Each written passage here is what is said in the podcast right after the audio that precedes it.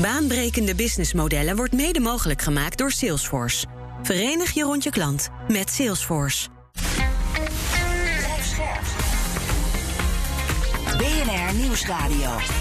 Baanbrekende businessmodellen. John en Patrick. Naam van jullie bedrijf. Beamup en Your Open Metaverse. Wat is voor bedrijven de grootste misvatting over de metaverse? Dat het een uh, ver van uh, je bedshow is en dat het nog jaren gaat duren voordat ze er iets van gaan zien. Denk jij dat zij de impact van dit nieuwe internet onderschatten? Ja. Welke vragen over de metaverse stellen mensen jou altijd? Ik hou niet van spelletjes, waarom is het relevant? En beste Alex, welk probleem lossen jullie eigenlijk voor klanten op? Wij bouwen aan nieuwe innovatieve oplossingen. Eigenlijk om ervoor te zorgen dat Metaverse een nieuw communicatiekanaal wordt. Een kanaal na, uh, naast brandmarketing, naast e-tail. Um, en dat is volgens ons de communicatiemethode van de toekomst over bedrijven die zichzelf opnieuw uitvinden en nieuwkomers die bestaande markten opschudden. Dit is BNR's baanbrekende businessmodellen. Met mij John van Schagen en Patrick van der Pijl. Onze gast is Alex van der Baan van Beamup, het bedrijf achter Your Open Metaverse. Um, ja, innovatieve oplossingen. Maak dat eens concreet. Wat doen jullie precies?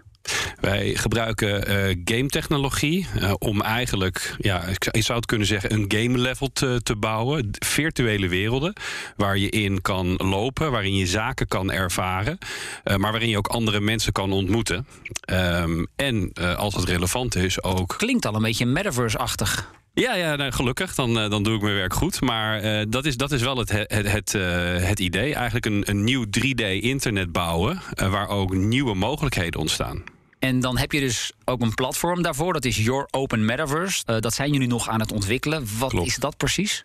Ja, ik zeg altijd, uh, wij zijn de, de, de, de content agency van de toekomst. Um, en uh, net als dat destijds videocontent een, um, een broadcast platform nodig had. Dat kennen we nu allemaal als YouTube. Heb je voor die Unreal Engine content, die game content ook een nieuw broadcast platform nodig. En dat is eigenlijk Your Open Metaverse. Nou, we hebben jou uitgenodigd om te komen praten over dit nieuwe digitale domein. En dat kreeg pas echt bekendheid na deze mededeling. Imagine you put on your glasses or headset and you're instantly in your home space. It has parts of your physical home recreated virtually. It has things that are only possible virtually. And it has an incredibly inspiring view of whatever you find most beautiful. Ja, dit was uh, eind oktober vorig jaar. Mark Zuckerberg over die metaverse. Um, ja, voor de meeste mensen was dat nieuw. Patrick, was, was jij toen eigenlijk al met het onderwerp bekend? Nou ja, wel met Second Life en dat soort uh, features. Dat is alweer uh, heel lang geleden. Dat is alweer heel lang geleden, ja. Maar ehm, nee, ik was er niet mee bekend. Nee, nee jullie al wel, langer. Ja, we zijn in, uh, eigenlijk in uh, 2020 zijn we begonnen met, uh, nou ja, toen kon het nog niet Metaverse noemen, maar wel dus met virtueel presenteren. En was het toen Project X of zo? Of hoe noemden jullie dat? nee, eigenlijk, nee, wat we deden is eigenlijk, we, we, wij waren overal op de deuren aan het kloppen en, en, en, en de deuren aan het intrappen om te zeggen, je wil in een 3D immersive omgeving, wil je je verhaal vertellen. Um, en ja, uiteindelijk Metaverse, dat, dat was het nog niet. Hè, dus ik noemde dat immersive storytelling platform platform. Ben je een bedrijf, ben je een persoon, heb je een groot verhaal en wil je dat op een andere manier laten zien? Nou, dan kom dan naar BeamUp. Hè. Dat is wat we de eerste twee jaar hebben gedaan. Toen hebben we de eerste TEDx-talk gedaan uh, met uh, avatars. We hebben voor het Ratenau Instituut, de Denktank van het parlement, hebben we een sessie gedaan. En het was natuurlijk ook heel erg COVID-vriendelijk. iedereen was wel benieuwd van, oh ja, we willen toch nog dingen doen. Zoom, toen was Zoom nog niet zo lekker bij iedereen zat erin. Dus nou, misschien gaan we wel met avatars doen. Dus, dus dat is een beetje ons, onze beginperiode geweest. Ja. Volgens mij bijna elk interview over die metaverse begint ook wel met de vraag, of hij zit althans altijd wel ergens aan het begin, wat is het eigenlijk? Hoe, ja. hoe leg jij dat uit? Ja, het is wat ik eigenlijk zeg, het is de, de, de, de, de 3D-opvolger van het internet. En eigenlijk, wat je daar dan meteen bij hoort te zeggen, is hè, Web 3. Dat is die andere hype-term uh, die eigenlijk misschien wel een klein beetje hoort bij Metaverse. Um, en dat is wel handig om dat ook toe te lichten. Hè, waarbij Web 1 ging om content delen. Web 2 om ideeën delen met elkaar heen en weer. En waarbij Web 3 echt gaat over ownership en over vrijheid. En eigenlijk ook het aantal problemen oplossen die we nu hebben gezien in Web 2. Hè, met uh, nou, Cambridge Analytica. Je betaalt met je privacy, et cetera, et cetera. En ook heel veel content creators, artiesten, ja, die eigenlijk heel veel waarde leveren aan het ecosysteem. Maar die worden er niet voor uh, beloond eigenlijk. Ja, Patrick, informeren klanten van jou hier al naar? Of is het nog een beetje een ver van een bedshow, zoals uh, Alex zojuist ook vertelde? Nou, die vraag is wel versneld, omdat je eh, natuurlijk hebt gezien in de pandemie dat we daar uh, niet de deur uit konden en elkaar toch wilden ontmoeten. En daar ook verschillende initiatieven zijn gestart om elkaar digitaal te ontmoeten. Nou, dan kan je dat ook doen met een avatar, of je ziet dat dat wel een, een versnelling heeft gehad. Um, ja, en je ziet dat uiteindelijk het nog onduidelijk is, er niet echt een eenduidige definitie voor. Alleen ik denk, als ik het zelf zou moeten benoemen, dan is het eigenlijk gewoon uh, de volgende economie. Uh, en die is dan volstrekt digitaal. En er zitten ook net even wat andere spelregels aan vast. En die, uh, wat Alex zegt, eigenlijk een verbetering moeten zijn van wat er nu op internet gebeurt. En um, ja, wat, je, wat, we wel zien is dat we die drempel ook lager willen maken om dat aan relaties en andere mensen te laten zien. Uh, om ook te kijken of zij daar een rol in, uh, in kunnen spelen. En kijk, je ziet wat jij ook zei, dat, dat digitaal eigenaarschap. Um, wat natuurlijk nu uh, moeilijk is, maar dat kan daar wel. Je hebt ook je eigen identiteit en die kan je uniek maken daarmee. Maar je ziet eigenlijk ook gewoon dat er een digitale currency uh, gaat ontstaan. Dat is eigenlijk een manier waarop je transacties kunt doen. Ja, dus het gaat ook wel weer voeden, um, die hele crypto-wereld.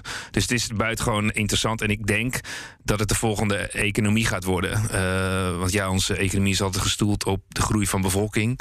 En uh, daar zit ook een rem op. We gaan ook naar Mars. Nou, we kunnen nog verder. Dus ja. ook in een metaverse. Ja. En die metaverse, Alex, hoe zie jij dat uiteindelijk voor je? Is dat ik kom thuis van een dag werken, ik ga even zitten op mijn bank en dan zet ik mijn bril op en dan ga ik even naar de metaverse, waar ik anders bijvoorbeeld een Netflix-film zou kijken. Ja, nou dat, dat zeker. Ik denk ook dat dat zeker de komende paar jaar dat dat het ook uh, als eerste zal zijn. Hè. Overigens, we praten niet, wij zijn, we praten niet over per se over dat je die bril nodig hebt. We zijn technologie agnostisch. We denken dat het voornamelijk moet werken op de mobiele telefoon. Dan werkt het beter op een 70-inch scherm en nog beter op een bril. Maar die, die hele vormfactor gaat toch uh, verdwijnen de komende paar jaren. Maar dat zal het eerste zijn. Dus ontspanning, elkaar ontmoeten en die hele economie en het, het vormen van die economie, dat is dus nu eigenlijk een dialoog en een spelletje, zou je zo kunnen zeggen, wat we nu de gesprekken waar we voeren met grote merken, uh, met sportploegen. Eigenlijk alle partijen die een grote groep uh, klanten, fans of community hebben. Dat zijn nu echt de partijen die dit snappen en die hier al heel druk mee bezig zijn. Ik moet uh, steeds denken aan het spelletje Fortnite, wat bij ons thuis uh, veelvuldig wordt gespeeld. Ja, het is interessant dat je. Um, omdat je eigenlijk ook wel kunt zeggen dat je daar uh, digitaal aan het spelen bent in plaats van buiten. als het dan voor de kinderen opgaat. En ja, je ziet dat Kijk, dat is een model waar je probeert zoveel mogelijk gebruikers aan te trekken. Um, en dat is wat Alex ook zegt, ja, die feature van een community. Um, dus daarom is het een soort freemium model. Je kan gratis gebruik maken. Alleen um, daarnaast proberen ze ook die community te faciliteren. Want hoe met meer vriendjes je kunt spelen, nou, dat zorgt dan voor dat netwerkeffect uh, in zo'n uh, in zo'n platform. Uh, maar het andere stuk, je kunt betalen als je uiteindelijk skins wilt hebben. Dus ik weet niet hoe vaak jij de vragen krijgt van die PlayStation-kaarten of ja, weer aan te maken. Te dat, vaak. Ja, te vaak. dus um, ja, dat is een heel ander spel wat ze spelen. Alex, nu zagen we bij de opkomst van het internet, inmiddels alweer lang geleden, dat zorgde voor disruptie in allerlei branches. Hè. Werk zoeken, een vakantie boeken, kleren kopen. Het is voor een groot deel naar online verschoven. Waar zie jij met de komst van de metaverse de meeste, de nieuwe disruptie ontstaan? Ik denk dat er, uh, dat er raakvlakken zijn. Ik denk eigenlijk dat het belangrijkste is, uh, nou ja, de cutting out the middleman, om het zo maar te zeggen. De fysieke reisbureaus waar je het net over had, die zijn verplaatst naar Booking. Um, en ik denk wat je nu eigenlijk gaat zien, is dat in ieder. Um, die zal eigen creator kunnen worden. Waar we afgelopen vijf tot zes, zeven jaar zagen dat uh, jonge kinderen hun eigen YouTube-kanaal beginnen dus eigenlijk hun eigen community aan het opbouwen zijn, kunnen die daar straks hun eigen merchandise aan toevoegen. En nu zit je inderdaad nog met platforms daartussen. Misschien als, als, als je muziek maakt met een Spotify en een record label. En wij geloven heel erg dat je dat dus straks ook uh, niet meer nodig hebt. Als jij in staat bent om jouw eigen fans te creëren, dan gaan er dus platformen en mogelijkheden ontstaan waardoor je dat eigenlijk ook kan monetizen, om maar een mooi Nederlands woord te gebruiken. Ja, dat is interessant. Want in Florida zat deze afgelopen twee jaar Roger Sanchez uh, vanuit zijn eigen studio te draaien. En um, ja, die zei op een gegeven moment ook tijdens een, uh, een podcast: luister waar ik voorheen de wereld rond moest reizen om in Pacha, in Ibiza, uh, zeg maar mijn uh, publiek te ontmoeten, uh, draai ik het nu eigenlijk gewoon rechtstreeks en ben ik rechtstreeks in contact. Dus wat jij net zegt, Alex, dat was voor hem echt een eye-opener, ook al draait hij al heel lang in die industrie mee. Dat maakt het interessant. Alleen ik denk dat die hele entertainmentwereld op zijn kop wordt gezet. Um, want... Ja, hoe dan precies? Nou, kijk, weet je, het lijkt al zo ver weg, maar het is het ook eigenlijk niet. Dus als je bijvoorbeeld kijkt naar um, een gast die we eerder in onze opnames hebben gehad, uh, NEP Media, als die bijvoorbeeld de Formule 1 vastleggen, als je al die data uiteindelijk beet kunt pakken van die auto's en dat zet je uiteindelijk in een digitale omgeving, noem het metaverse, kunnen jij en ik gewoon en bij de race aanwezig zijn, maar we kunnen ook gewoon tegen Max racen. En um, je ziet dat dat soort concepten um, gaat zeg maar meer en meer populair worden, ook door zo'n systeem. Ja, dus even visualiseren. Nu nog zitten wij op zondagmiddag voor de televisie, zijn we Max aan het bekijken. Maar het zou dus denkbaar zijn dat ik een soort, dat er een soort van nieuwe dimensie komt. Waarbij ik ook daadwerkelijk misschien ook wel in de pitstraat ben. Of uh, ja. op, de, op het circuit aanwezig kan zijn. Als ik in de metaverse ben. En op die manier dus de Formule 1 ga beleven. Ja, en dat je gewoon op een ander circuit tegen Max kunt uh, racen. Omdat jij je eigen uh, wereldje daarin gecreëerd hebt. BNR Nieuwsradio. Baanbrekende businessmodellen. Met deze keer nieuwe businessmodellen in de metaverse. We gaan straks nog veel meer voorbeelden horen. Uh, maar Patrick, jij wilde het eerst hebben over dit bericht. Maar we beginnen bij uh, Facebook-moeder Meta of Meta. Want ze gaan snijden in de metaverse-divisie. Ja, en dat is best wel opmerkelijk. Want niet zo heel lang geleden kondigde Mark Zuckerberg aan dat ze volop gingen inzetten op die tak van sport. Dat was de hele reden achter de. Ja, opvallend bericht vorige week. Dus in de tech-update van BNR. Meta zet een budgetcut op de ontwikkeling van hun eigen metaverse. Wat is daar aan de hand? Ja, je ziet dat die resultaten nog uh, uitblijven. Dus er zit al uh, 10 miljard in. En dat levert er nog niks op. Dus ik denk dat ze denken, kalm aan. Nou is 10 miljard voor ons een hoop geld. Voor Facebook valt dat wel mee. Dat valt wel mee, oké. Okay, ik wilde bijna zeggen, jeetje, wat een geld. Maar dat uh, moeten we in het licht zien van de, van de omzet van Facebook uh, zelf. Het heeft natuurlijk ook te maken met die tegenvallende inkomsten op Facebook. Hè. Steeds minder gebruikers, dus ook minder advertentieinkomsten. Um, zie jij eigenlijk het einde van Facebook als platform al een beetje naderen? Of is dat wat te voorbarig? Nou, het is nog geen Hives-scenario, om het maar zo te zeggen. Alleen moet het wel nuanceren. Kijk, Facebook had natuurlijk jarenlang uh, een, een li licentie om geld te drukken, letterlijk. Maar nu zie je dat voor het eerst uh, sinds dit jaar die gebruikers naar beneden gaan. En dat heeft eigenlijk een drietal oorzaken. Dus zeg maar één is een stop van die enorme groei. Hè? Dus het plafond lijkt een beetje op 3 miljard uh, te blijven zitten. Nou, daarnaast de concurrentie van uh, TikTok. Dat is wel echt een heel ander spel. Waar we het al eerder in onze uitzending over gehad hebben. dat is niet een social network, maar er zit een algoritme achter, zodat we echt alleen maar filmpjes blijven kijken. Um, en de andere oorzaak um, is dat Apple uiteindelijk ook heeft verplicht gesteld dat je aan moet geven of je wel of niet getrackt wilt worden door advertisers. Dat laatste bericht, hè, dat zorgde voor 8,5 uh, procent omzetverlies, dus 10 miljard. Uh, maar liefst 25% van de winst. Dus dat heeft wel een enorme impact gehad. Maar wat is nu het punt? Kijk, die platform-biz-modellen zoals Facebook... Uh, die zijn eigenlijk gestoeld op het netwerkeffect. En dat netwerkeffect gaat dan exponentieel omhoog. Uh, waardoor die gebruikers toenemen en daar ook mee je advertising-inkomsten. Maar uh, wat net zei, als je dus op die 3 miljard gaat zitten en het kalft een beetje af, gaat hij dus ook exponentieel naar beneden. En daar zijn ze nu een beetje uh, druk mee. Dit lijkt me ook het moment om eens een heel andere belangrijke vraag te gaan beantwoorden. Um, die van, krijgt de metaverse straks één eigenaar? Wordt het een soort Zuckerberg-verse met een app store waar iedereen dan van afhankelijk is? Of zie jij meer een soort open source ecosysteem met platformen die we allemaal aan elkaar kunnen gaan koppelen? Kleine metaverses. Ja, dat eigenlijk. Dat hoop ik ook. Dat is ook waar we naar, naartoe aan het werken. En ook eigenlijk waar het hele ecosysteem in, in Nederland hard aan werkt. Uh, het is een beetje een soort op dit moment. Ik denk dat Nederland goed vertegenwoordigd is. Uh, veel goede partijen, serieuze partijen in Nederland En wat je eigenlijk ziet is iedereen helpt elkaar. Juist met dat idee van we hebben dus nu een gelegenheid om deze fout van Web 2 te gaan herstellen. En moet ik me dat dan voorstellen dat straks de partijen die bijvoorbeeld nu nog apps bouwen, zich dan gaan storten op die metaverse business en dan voor bedrijven en voor gemeenten misschien wel allemaal hun eigen metaverse elementen gaan maken. Ja, letterlijk dat. Ik, waar, ik dus nu tegen zeg. Wat je nu ziet bij bedrijven is dat daar de graphic designers, de datapayers, uh, de photoshoppers, et cetera, die discipline is binnengekomen. Dat zien we ook op marketinggebied, op SEO, Google Analytics. Dat zit vaak bij grote bedrijven inmiddels binnen. En ik schets over vijf uh, tot tien jaar, afhankelijk van uh, hoe innovatief, zitten daar game developers binnen. Uh, serious gaming is al vijf, zes jaar een ding. Dat wordt al toegepast in vele organisaties, bij vele gemeenten en provincie. En, en ik denk eigenlijk dat dat soort kennis samen met game development gaat, gaat samen gaat komen. Dan is er dus content. En die content moet ergens gedraaid worden op een open manier. En dat is dus precies wat Your Open Metaverse gaat doen. En Alex, die, um, de internet zoals we dat nu kennen heeft het stratenboek via de URL's, dus de www. Ja. et cetera. Hoe gaat dat bij het Metaverse ontwikkelen? Ja, dat, dat weten we eigenlijk nog niet. Um, wij hebben eigenlijk een soort uh, Web 2.5 anker uh, zijn we aan het bouwen. Dat is eigenlijk een soort, een soort marketplace of eigenlijk een plek waar je als merk of als persoon of als gemeente je, je eigenlijk je brand kan neerzetten. Um, en eigenlijk op die manier via een soort kijkdoos in die metaverse kan gaan. Ik kan me voorstellen dat het iets wordt met coördinaten bijvoorbeeld. Ja, bijvoorbeeld. Ja, maar het kan ook met. Uh, je ziet in, in de. Als je kijkt naar de blockchain-wereld. dan zie je dat tegenwoordig heel veel gebruik wordt gemaakt van domeinen, eh, webdomeinen, gekoppeld aan een adres. dus dat je niet in plaats van een token of een munt of whatever.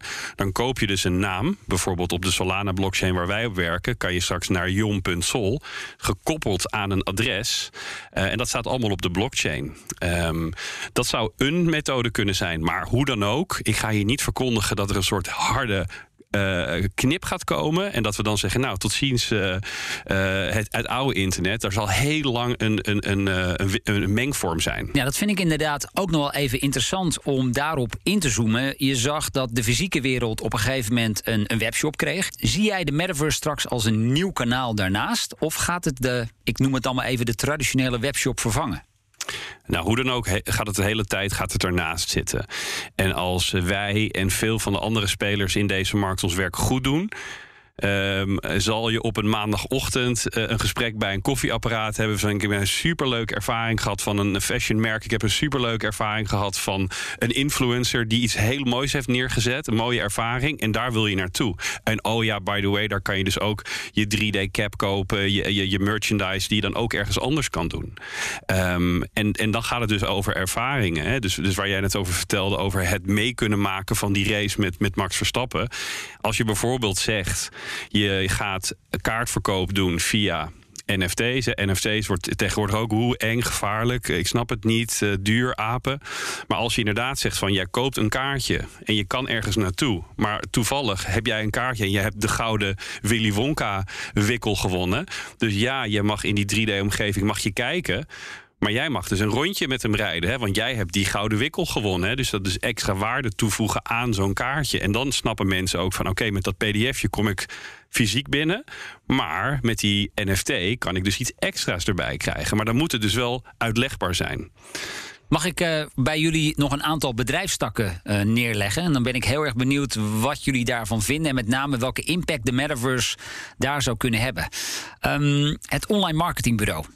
Krijgen we straks een soort Google Ads in de metaverse? Of gaan die allemaal andere activiteiten ontplooien?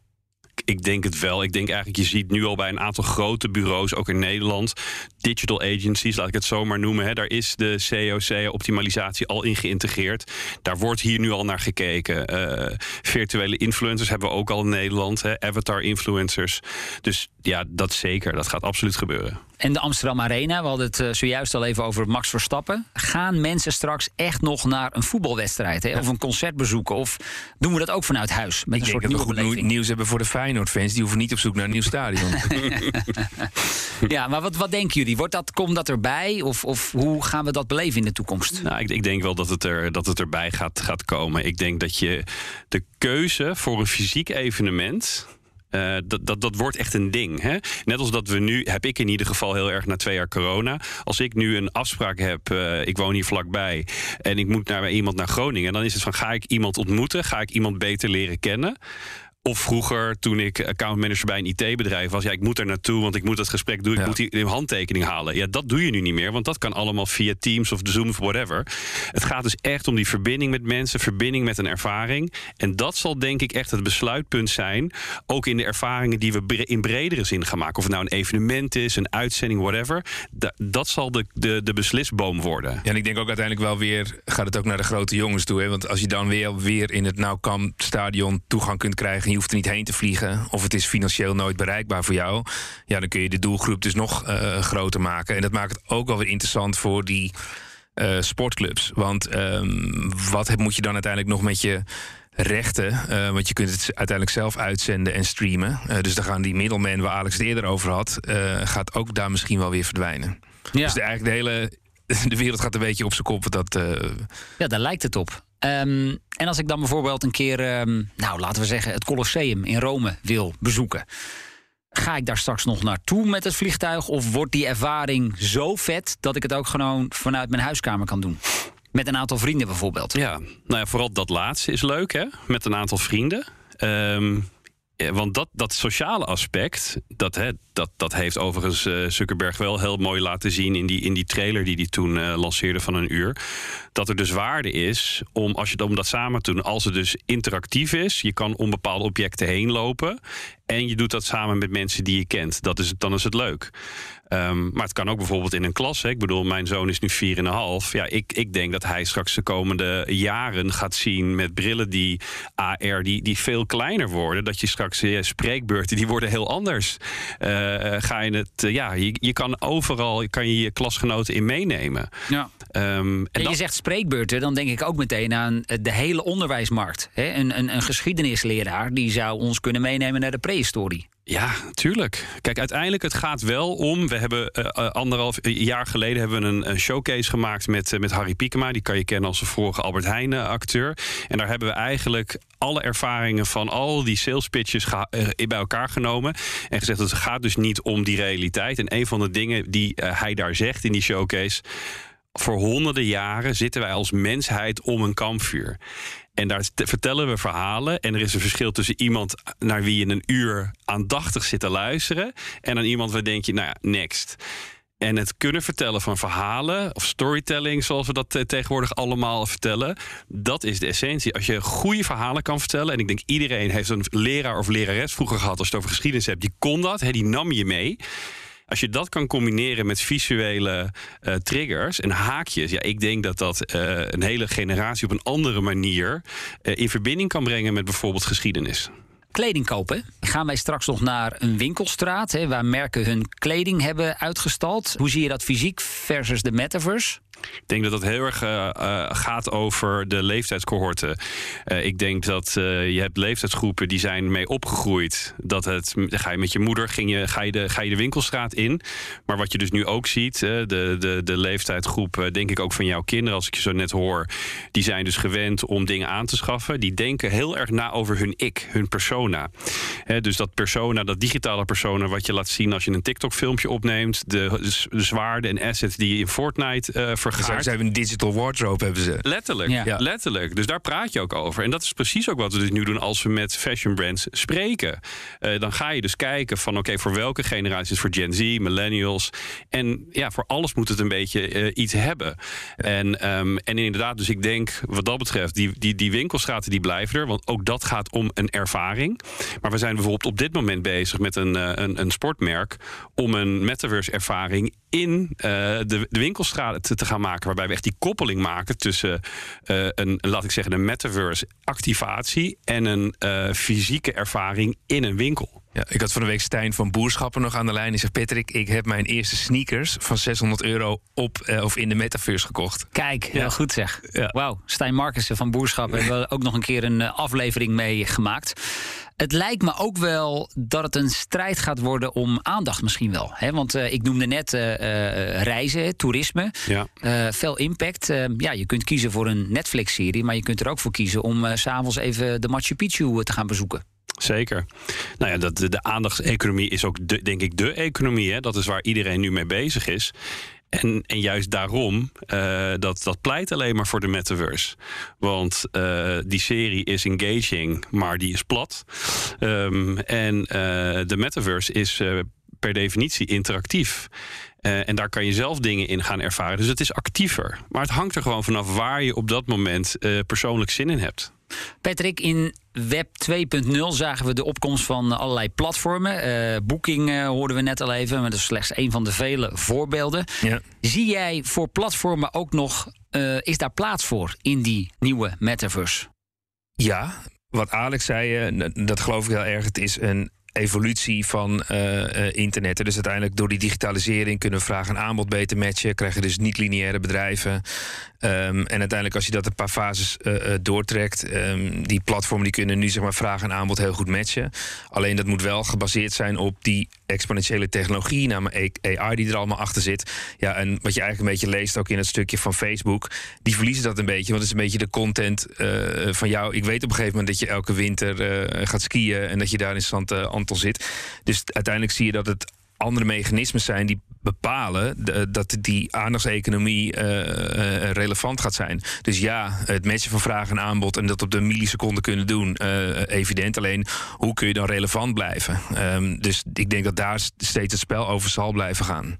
Nou, ik moet zeggen, ik heb uh, veel bewondering voor Booking. Dus ik denk dat, dat dat nou juist een bedrijf is die echt forward-looking is. Um, uh, en, er, en er goed naar kijkt. Het, het, het, zal, uh, het hangt er vanaf wanneer ga je instappen. Dus als bedrijf weet je, oké, wat is mijn doelgroep? hoe innovatief, tech-savvy, et cetera. Je moet niet te vroeg, je moet ook niet te laat op het juiste moment. Dat zullen de mensen daar wel weten. En steeds meer zal je gaan zien dat dit, wat ik aan het begin ook zei, dit wordt gewoon een nieuw communicatiekanaal. Naast brandmarketing zoals dat uh, offline kennen tien jaar geleden, dus het hele e-tail-stuk, zal dit de komende periode een nieuw communicatiekanaal zijn. Waar je heel veel creativiteit voor nodig hebt, maar waar je juist ook weer die, veel van die disciplines die je hebt in de fysieke branding ook weer bij elkaar brengt. En dat is het dus leuke eraan. Dus we werken met coders, met designers, met alles door elkaar heen. En dat maakt het een heel spannend uh, veld om in te opereren. En dat voorbeeld wat jij net gaf over die winkel, hè, die 3D-ervaring in zo'n winkel, is dat inderdaad de manier om zoiets uh, op te starten, om te gaan experimenteren, heel kleinschalig? Ja, zeker. En ik denk ook dat het van belang is dat daarbij dus ook verschillende kennis en disciplines. Wij werken met partners samen. Ik vind het heel erg van belang dat we dus niet alleen maar tegen de true believers praten, maar dat ik juist ook het uh, zoek, mensen opzoek waar het schaaft die het niet snappen, zeg in retail, metaverse experience. Ja, maar dat wil ik juist opzoeken. Want daar gaan mensen door de Kalverstraat straks lopen en die denken: wat is dit? En die kan je dan een verhaal vertellen. En als je alleen maar in de wereld blijft zitten van de crypto natives en van de gamers, ja, dan kom je dus nooit een stap verder. Dus die, die wereld bij elkaar brengen en zorgen dat ik het kan uitleggen aan mijn oma, dat is het belangrijkste. Ik zit nog even inderdaad met de vraag van als je dit nu hoort als ondernemer hè, met, een, uh, met een bedrijf, nou, of het nu toerisme is of, of entertainment of, of in de, de e-commerce. Ja, wat, wat moet je nu? Is dit gewoon een kwestie van afwachten en, en gewoon zien hoe anderen de weg uh, plaveien en dan vervolgens uh, daarop uh, inspringen? Nou, ik denk dat het belangrijkste is, hou het in de gaten. Ik heb in december had ik een groep van 40 uh, franchise supermarktondernemers over de vloer. En die zeiden, moeten wij dan gaan investeren in een metaverse experience? Ik zeg, nou, ik denk het niet. Het is op dit moment nog heel prijzig. En ik denk, als je een supermarktondernemer bent... als jij gaat investeren in een goede uh, foldercampagne... In de cirkel van een kilometer om je winkel... ga je daar veel meer conversie uit halen. Dus ik denk dat als je een ondernemer bent en je luistert hiernaar... en je zit bijvoorbeeld heel erg in de contentcreatie... je hebt een bepaalde doelgroep die hiervoor... te porren is, laat ik het zo maar even zeggen. Ja, dan moet je er vooral over gaan nadenken. Uh, want dan wil je misschien al gaan experimenteren, inderdaad. Maar als je een wijndistributeur bent dan zou ik zeggen, ja, we kunnen een prachtige uh, setup maken in een Toscaanse villa waar je dus die, die merken kan ervaren. Maar de vraag is of je daar dan meer wijn mee gaat verkopen. En ik denk dat dat natuurlijk, het, is ook een beetje een stukje bottom line. En veel van de ondernemers die nu met ons praten, die vinden het leuk dat wij dus die hele open source mentaliteit hebben. Maar ook dat wij vertellen, investeer je in die content, staat het op jouw balans. Investeer als influencer in uh, jouw eigen avatar, dan staat het in jouw wallet.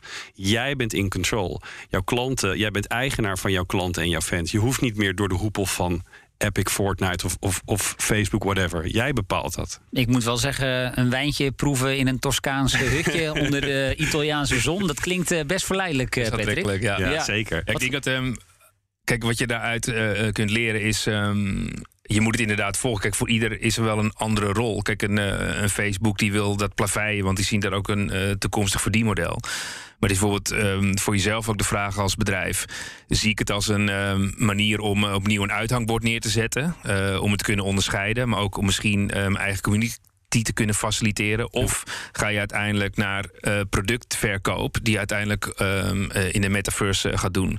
En dat vind ik nog wel een interessant um, aspect van die metaverse, waar je nu ziet: hey, op het moment dat we het gingen digitaliseren, kan iedereen het dus gratis gebruiken. Nou, zag de komst met eigenlijk in die hele in entertainment-industrie ja, het, um, het gratis streamen van muziek. En daarna kwamen die betaalde uh, versies daarvan. Ja, dat is nu echt anders. Uh, en daarom ben ik wel benieuwd hoe die ontwikkeling eruit gaat zien. Dus samengevat, ja, is het voor jezelf als promotie. Um, kun je daarna uiteindelijk een nieuwe inkomstenstroom ontwikkelen.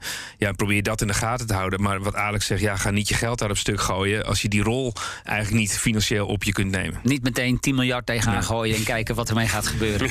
ja.